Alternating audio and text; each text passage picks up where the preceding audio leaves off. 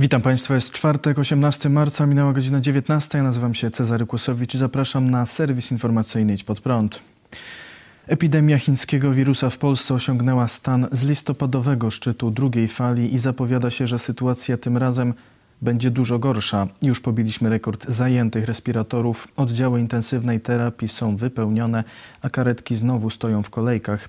Pod względem liczby śmierci jesteśmy w światowej czołówce. Tylko wczoraj na COVID-19 zmarło 356 osób.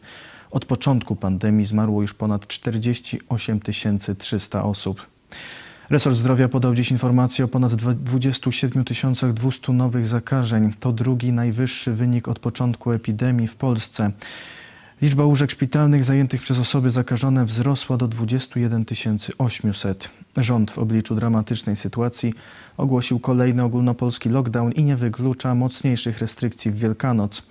Pierwszy lockdown mieliśmy rok temu. Czy walka z epidemią musiała trwać tak długo i dlaczego Polska ją przegrywa? O tym mówił dziś gość programu Idź pod prąd na żywo, poseł Andrzej Sośnierz, lekarz, były szef NFZ. Jesteśmy w światowej czołówce, jeśli chodzi o umieralność. Chyba wczoraj mieliśmy drugie miejsce na świecie. Nie panowaliśmy nad tą epidemią. Myśmy całkowicie rozłożyli sanepid. Przecież sanepid jak gdyby nie istnieje.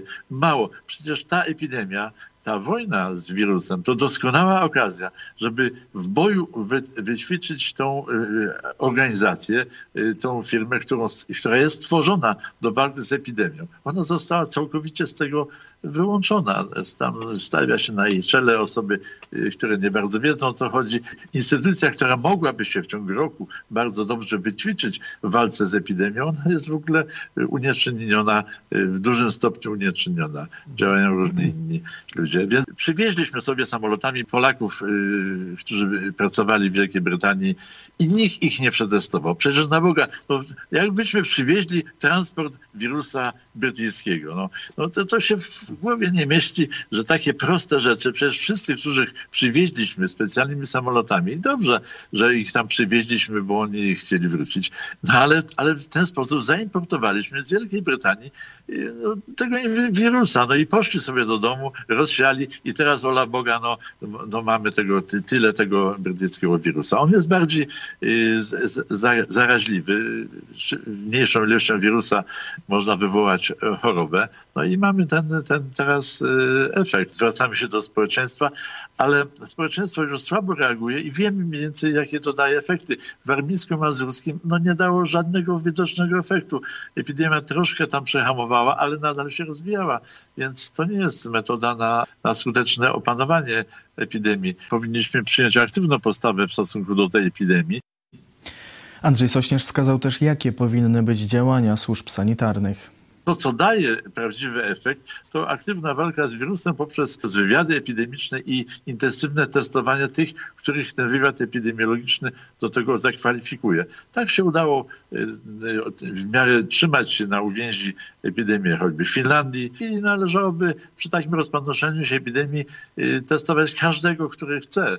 Cieszylibyśmy się z tego, bo mielibyśmy większą wiedzę i właśnie ci, którzy są odporni, nie zgłaszaliby się przynajmniej na razie. Potem można byłoby wzmocnić ich, wzmocnić ich odporność lub przypomnieć tą odporność po y, pewnym czasie, ale najpierw zaszczepić tych, którzy są nieodporni, bo to zdecydowanie powiększyłoby grupę y, odpornych. No ale dlaczego, dlaczego z takim uporem y, nie, nie korzysta się z, z takich y, uwag, y, naprawdę nie rozumiem, bo były szef NFZ skrytykował też wykonanie pomysłu dodatkowych szpitali covidowych nie, nie krytykuję w Czambu szpitali tymczasowych, że są. Uważam, że można było to zrobić inaczej i lepiej, unikając tych problemów z, z ich otwieraniem. Skuteczniejszą metodą byłoby to, co zrobiono w kilku miejscach w Polsce, y, co staram się propagować, to szpitale modułowe przy istniejących szpitalach, to ma zdecydowanie y, lepszy byłby efekt. Po pierwsze, y, była załoga, nie byłoby problemu z zapewnieniem załogi, bo w dużym stopniu ta załoga byłaby z, z, tego szpitala, który jest tuż obok, a szpital funkcjonowałby normalnie. Tak na przykład się dzieje w Bolesławcu, gdzie właśnie zbudowano pawilon na kilkadziesiąt, nie wiem czy tam 70 łóżek i wszyscy covidowi są w tamtym pawilonie, a szpital działa normalnie i nie trzeba nawet odkładać tych zabiegów tam yy, terminowych czy innych. No mało tego, po tej całej epidemii to by zostało i mogło funkcjonować. Pastor Paweł Chojecki zwrócił uwagę, że wciąż nie ukończono badań dotyczących skuteczności amantadyny. Mieliśmy polski pomysł na leczenie chińskiej zarazy. E, tu wielka chwała dla doktora Bodnara, który nie patrząc na te wszystkie, a nawet mu przecież grozili, władze państwowe mu grozili, że tam zakaz zawodu, różne takie rzeczy, on dalej ratował ludzi dzisiaj to już pewnie ponad tysiąc osób y, ma na swoim koncie uratowanych. Nie? Dlatego potrzebne były badania profesora Rejdaka. Nie? I to jest zbrodnia, można powiedzieć, rządzących, yy, odpowiedzialnych właśnie za badania medyczne, że my dzisiaj nie mamy przynajmniej wstępnych wyników badań profesora no, Rejdak. Prawo i Sprawiedliwość jednak nie przedstawi nowego ładu w sobotę. Partia zdecydowała o przełożeniu prezentacji zapowiadanego od miesięcy programu. Rzecznik PiS Anita Czerwińska przekazała, że przyczyną przesunięcia jest sytuacja pandemiczna. Prezentacja ma się odbyć po świętach wielkanocnych. Nie podano dokładnego terminu. Leszek Miller ogłosił odejście z SLD. W opublikowanym oświadczeniu były premier powiedział, że nie jest meblem do przesuwania i nie zamierza wchodzić do nowej partii, która ma powstać z połączenia SLD i wiosny. Nie ja opuszczam SLD, ale SLD opuszcza mnie. Nie tylko mnie, tysiące dzielnych ludzi. Lewicy traci swoją partię. Wszyscy my zostajemy przepisani do innej partii. Bez uchwały kongresu, bez szerokich konsultacji, bez referendum. Mamy stać się członkami nowej lewicy bez wyrażenia indywidualnej zgody. Mamy, mamy być masą spadkową, którą można swobodnie przerzucić do zapowiadanej partii Biedronia i Czarzastego. Każdy z nas musi zdecydować, czy przyjmuje takie warunki. Ja ich nie akceptuję, nigdzie nie przechodzę i nie życzę sobie być gdziekolwiek wcielanym. Nie jestem meblem, który można dowolnie przesuwać z pokoju do pokoju. SLD zapowiedziało zmianę nazwy na Nowa Lewica. W lecie ma odbyć się kongres zjednoczeniowy, podczas którego do ugrupowania dołączy Wiosna. Przedstawiony ma też zostać nowy program. Małgorzata Wasserman chce audytu w podkomisji smoleńskiej. Małgorzata Wasserman, posłanka PiS, której ojciec zginął w katastrofie smoleńskiej, powiedziała w Polsat News, że chce audytu w podkomisji smoleńskiej kierowanej przez Antoniego Macierewicza. Jak najbardziej podpisałabym się pod wnioskiem o audyt w podkomisji smoleńskiej. Uważam, że dość długo czekamy na rozstrzygnięcia, a chciałabym wiedzieć, co jest tego przyczyną. Cierpliwie czekam jedenasty rok na twarde przesłanki i dowody, żeby dowiedzieć się o tym, jak wyglądał przebieg tej katastrofy, powiedziała posłanka PiS. Wasserman podkreśliła, że rodziny ofiar nie dostają informacji o postępach śledztwa ani z prokuratury, ani z podkomisji. Minęło 11 lat i chciałabym wiedzieć, dlaczego mija tyle czasu i nie wiem, na jakim etapie jest komisja i prokuratura, powiedziała córka Zbigniewa Wassermana. Na dziś TVP Info zapowiedziało emisję nagrań z poufnej narady u premiera Donalda Tuska po katastrofie smoleńskiej. Nagrania mają być tematem magazynu śledczego Anity Gargas. Już ponad 2 miliony 690 tysięcy osób zmarło na całym świecie z powodu chińskiego wirusa. Tylko wczoraj odnotowano ponad 9 tysięcy zgonów. Kijów ogłosił trzytygodniowy lockdown obowiązujący od 20 marca. Mer Kijowa Witalij Kliczko poinformował, że zamknięte zostaną wszystkie placówki kulturalne, centra handlowe, ośrodki sportowe, a lokale gastronomiczne będą mogły obsługiwać klientów tylko na wynos. Wszystkie instytucje państwowe mają przejść na pracę zdalną. Kliczko zaznaczył, że sytuacja epidemiczna w mieście jest poważna, a może stać się, nie przesądzając, katastrofalna. Tajlandia do walki z epidemią wykorzystuje psy. Specjalnie wyszkolone czworonogi mają za zadanie po zapachu wykrywać obecność koronawirusa. Naukowcy z Uniwersytetu Chulalongkorna w Bangkoku ogłosili, że w czasie treningów psy wykazywały skuteczność 95%. Stany Zjednoczone ogłosiły, że już ponad 22% dorosłych obywateli otrzymało przynajmniej jedną dawkę szczepionki przeciw COVID-19. Agencja Bloomberga porównała te wyniki do Unii Europejskiej, gdzie szczepionkę otrzymało 8% dorosłych mieszkańców. Brytyjski rząd podał, że liczba osób, które otrzymały przynajmniej jedną dawkę szczepionki przekroczyła 25 milionów. To prawie połowa dorosłej ludności Wielkiej Brytanii.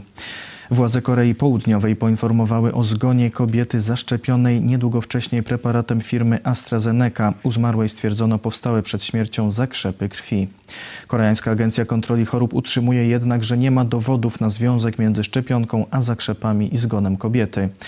Inne wnioski przedstawił Szpital Uniwersytecki w Oslo. Tamtejsi naukowcy uważają, że szczepionka AstraZeneca przyczyniła się do powstania zakrzepów u trzech leczonych tam pacjentów i śmierci jednego z nich. Profesor Paul Andre Holme ze Szpitala Uniwersyteckiego podczas konferencji prasowej powiedział: Otrzymaliśmy wyniki, które potwierdzają naszą wcześniejszą hipotezę, że u pacjentów doszło do silnej reakcji układu odpornościowego, która doprowadziła do powstania specyficznych przeciwciał powodujących wypadanie płytek krwi z układu krążenia. Następstwem tego było powstanie zakrzepów. Region flamandzki w Belgii zwrócił się do firmy AstraZeneca z prośbą o przekazanie niewykorzystanych przez inne państwa dawek szczepionki. Władze regionu oświadczyły, że są gotowe odebrać dawki od państw, które zawiesiły szczepienie tym preparatem. Flamandzki minister zdrowia Walter Becke powiedział: Skontaktowałem się z firmą AstraZeneca i zapytałem, czy możliwe jest skorzystanie z nadwyżek, jeśli takie są dostępne. Jeśli uda nam się je zdobyć, wykorzystamy je w naszej kampanii. Przewodnicząca Komisji Europejskiej ogłosiła, że Bruksela rozważa zamknięcie możliwości eksportu szczepionek poza teren Unii Europejskiej. Ursula von der Leyen zaznaczyła, że część państw spoza Unii, takich jak Wielka Brytania czy Stany Zjednoczone, jest niechętna do dzielenia się posiadanymi szczepionkami. Jeśli ta sytuacja się nie zmieni, będziemy musieli zastanowić się, jak uzależnić eksport do krajów produkujących szczepionki od poziomu ich otwartości, powiedziała von der Leyen. Podkreśliła, że Unia Europejska liczy na sprawiedliwy podział szczepionek. Jesteśmy gotowi do użycia wszelkich narzędzi, których potrzebujemy, aby to osiągnąć, powiedziała von der Leyen. Władimir Putin to zabójca, oświadczył prezydent Stanów Zjednoczonych Joe Biden. W rozmowie z telewizją ABC News amerykański prezydent stwierdził, że Władimir Putin poniesie konsekwencje prób wpłynięcia na wyniki wyborów prezydenckich w USA. Zapytany, kiedy to się stanie, odpowiedział: Wkrótce się przekonacie, jaka będzie cena, którą zapłaci. Joe Biden stwierdził także, że Putin jest zabójcą i nie ma duszy. Zaznaczył jednocześnie, że jest wiele obszarów interesów wspólnych dla Stanów Zjednoczonych i Rosji. Władimir Putin odniósł się do słów amerykańskiego prezydenta i powiedział: Kiedy oceniamy innych ludzi lub inne państwa, inne narody, zawsze przeglądamy się jak w lustrze, zawsze się tam widzimy. Rzecznik Kremla Dmitrij Pieskow ogłosił, że Joe Biden nie chce stosunków z Rosją. Nie chciałbym w reakcji wiele mówić, powiem tylko, że są to bardzo złe wypowiedzi prezydenta USA. W sposób oczywisty nie chce on nawiązywać relacji z naszym krajem i będziemy dalej wychodzić z takiego założenia. I przechodzimy do informacji sportowych. Niepokojące wiadomości z Francji. Arkadiusz Milik, piłkarz Olimpik Marsylia, najprawdopodobniej nie zagra w eliminacyjnym spotkaniu do Mistrzostw Świata z reprezentacją Anglii. Władze Ligue 1 wydały oficjalny komunikat, w którym zakazują piłkarzom grającym w tamtejszej lidze wyjazdu na spotkania eliminacyjne do mundialu poza obszar Unii Europejskiej. Decyzja klubów francuskich związana jest z trudną sytuacją pandemiczną. W podobnej sytuacji są Robert Lewandowski oraz Krzysztof Piątek, występujący na co dzień w Bundeslidze. Władze niemieckie uznają Wielką Brytanię za obszar szczególnego ryzyka ze względu na rozprzestrzeniającą się na wyspach mutację COVID-19. Mecz z Anglią ma zostać rozegrany 31 marca. W środę odbyły się ostatnie rewanżowe spotkania 1-8 finału piłkarskiej Ligi Mistrzów. Obrońcy tytułu, piłkarze Bayernu Monachium po raz drugi okazali się lepsi od włoskiego Lazio Rzym pokonując piłkarzy ze stolicy Włoch 2 do 1 i pewnie awansując do kolejnej fazy rozgrywek. Jedną z bramek dla Bawarczyków strzelił Robert Lewandowski. W drugim środowym meczu Chelsea-Londyn pokonała lidera Ligi Hiszpańskiej Atletico Madryt 2 do 0. W dwumeczu lepsi byli Londyńczycy i to oni uzupełnili skład ćwierćfinalistów Ligi Mistrzów. Pierwsze mecze 1-4 finału zostaną rozegrane 6 i 7 kwietnia. W meczu na szczycie Energa Basket Ligi wicelider Arget BM Slam Stal Ostrów Wielkopolski pokonał we własnej hali aktualnego mistrza kraju Eneza Stal BC Zieloną Górę 90 do 80. Najskuteczniejszym zawodnikiem spotkania był koszykarz Ostrowa Amerykanin Chris Smith, który zdobył 26 punktów. Dzięki temu zwycięstwu koszykarze z Wielkopolski są już pewni, że zakończą fazę zasadniczą rozgrywek w najlepszej trójce. Liderem Energa Basket Ligi pozostają koszykarze z Zielonej Góry. Ten mecz kibice koszykówki zapamiętają na długo. Portland Trail Blazers po niesamowitym meczu pokonali New Orleans Pelicans 125 do 124. Gracze z Luizjany jeszcze na 6 minut przed końcem spotkania prowadzili z drużyną Portland różnicą 17 punktów. Jednak od tego momentu Trailblazers zdobyli 25 punktów przy zaledwie 7 wywalczonych przez Pelicans. Do zwycięstwa graczy z Oregonu doprowadził kapitan Damian Lillard, który w końcówce spotkania wykorzystał dwa rzuty wolne.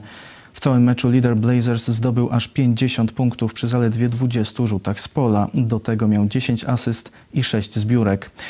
Lillard kilkakrotnie publicznie deklarował wiarę w Jezusa Chrystusa. Na prawym ramieniu ma wytatuowany fragment psalmu 37. W wielu wywiadach opowiada, jak wiara wpływa na jego podejście do koszykówki. To także przypomnienie, że sposób, w jaki się czuję i sposób, w jaki myślę, jest właściwy. Czuję, że zachowuję się we właściwy sposób pomimo zewnętrznych nacisków, które mogą mieć wpływ na profesjonalnych sportowców i wiele z tego wynika z mojej wiary, mówił Lillard. Dodał także, że wiara sprawia, że jest wdzięczny za wiele rzeczy, w tym za swój naturalny talent, zdrowie i rodzinę. To wszystko w tym wydaniu serwisu. Dziękuję Państwu za uwagę. Kolejny serwis jutro o 19, a jeszcze dziś o 20.30. Studium Ewangelii Jana. Do zobaczenia.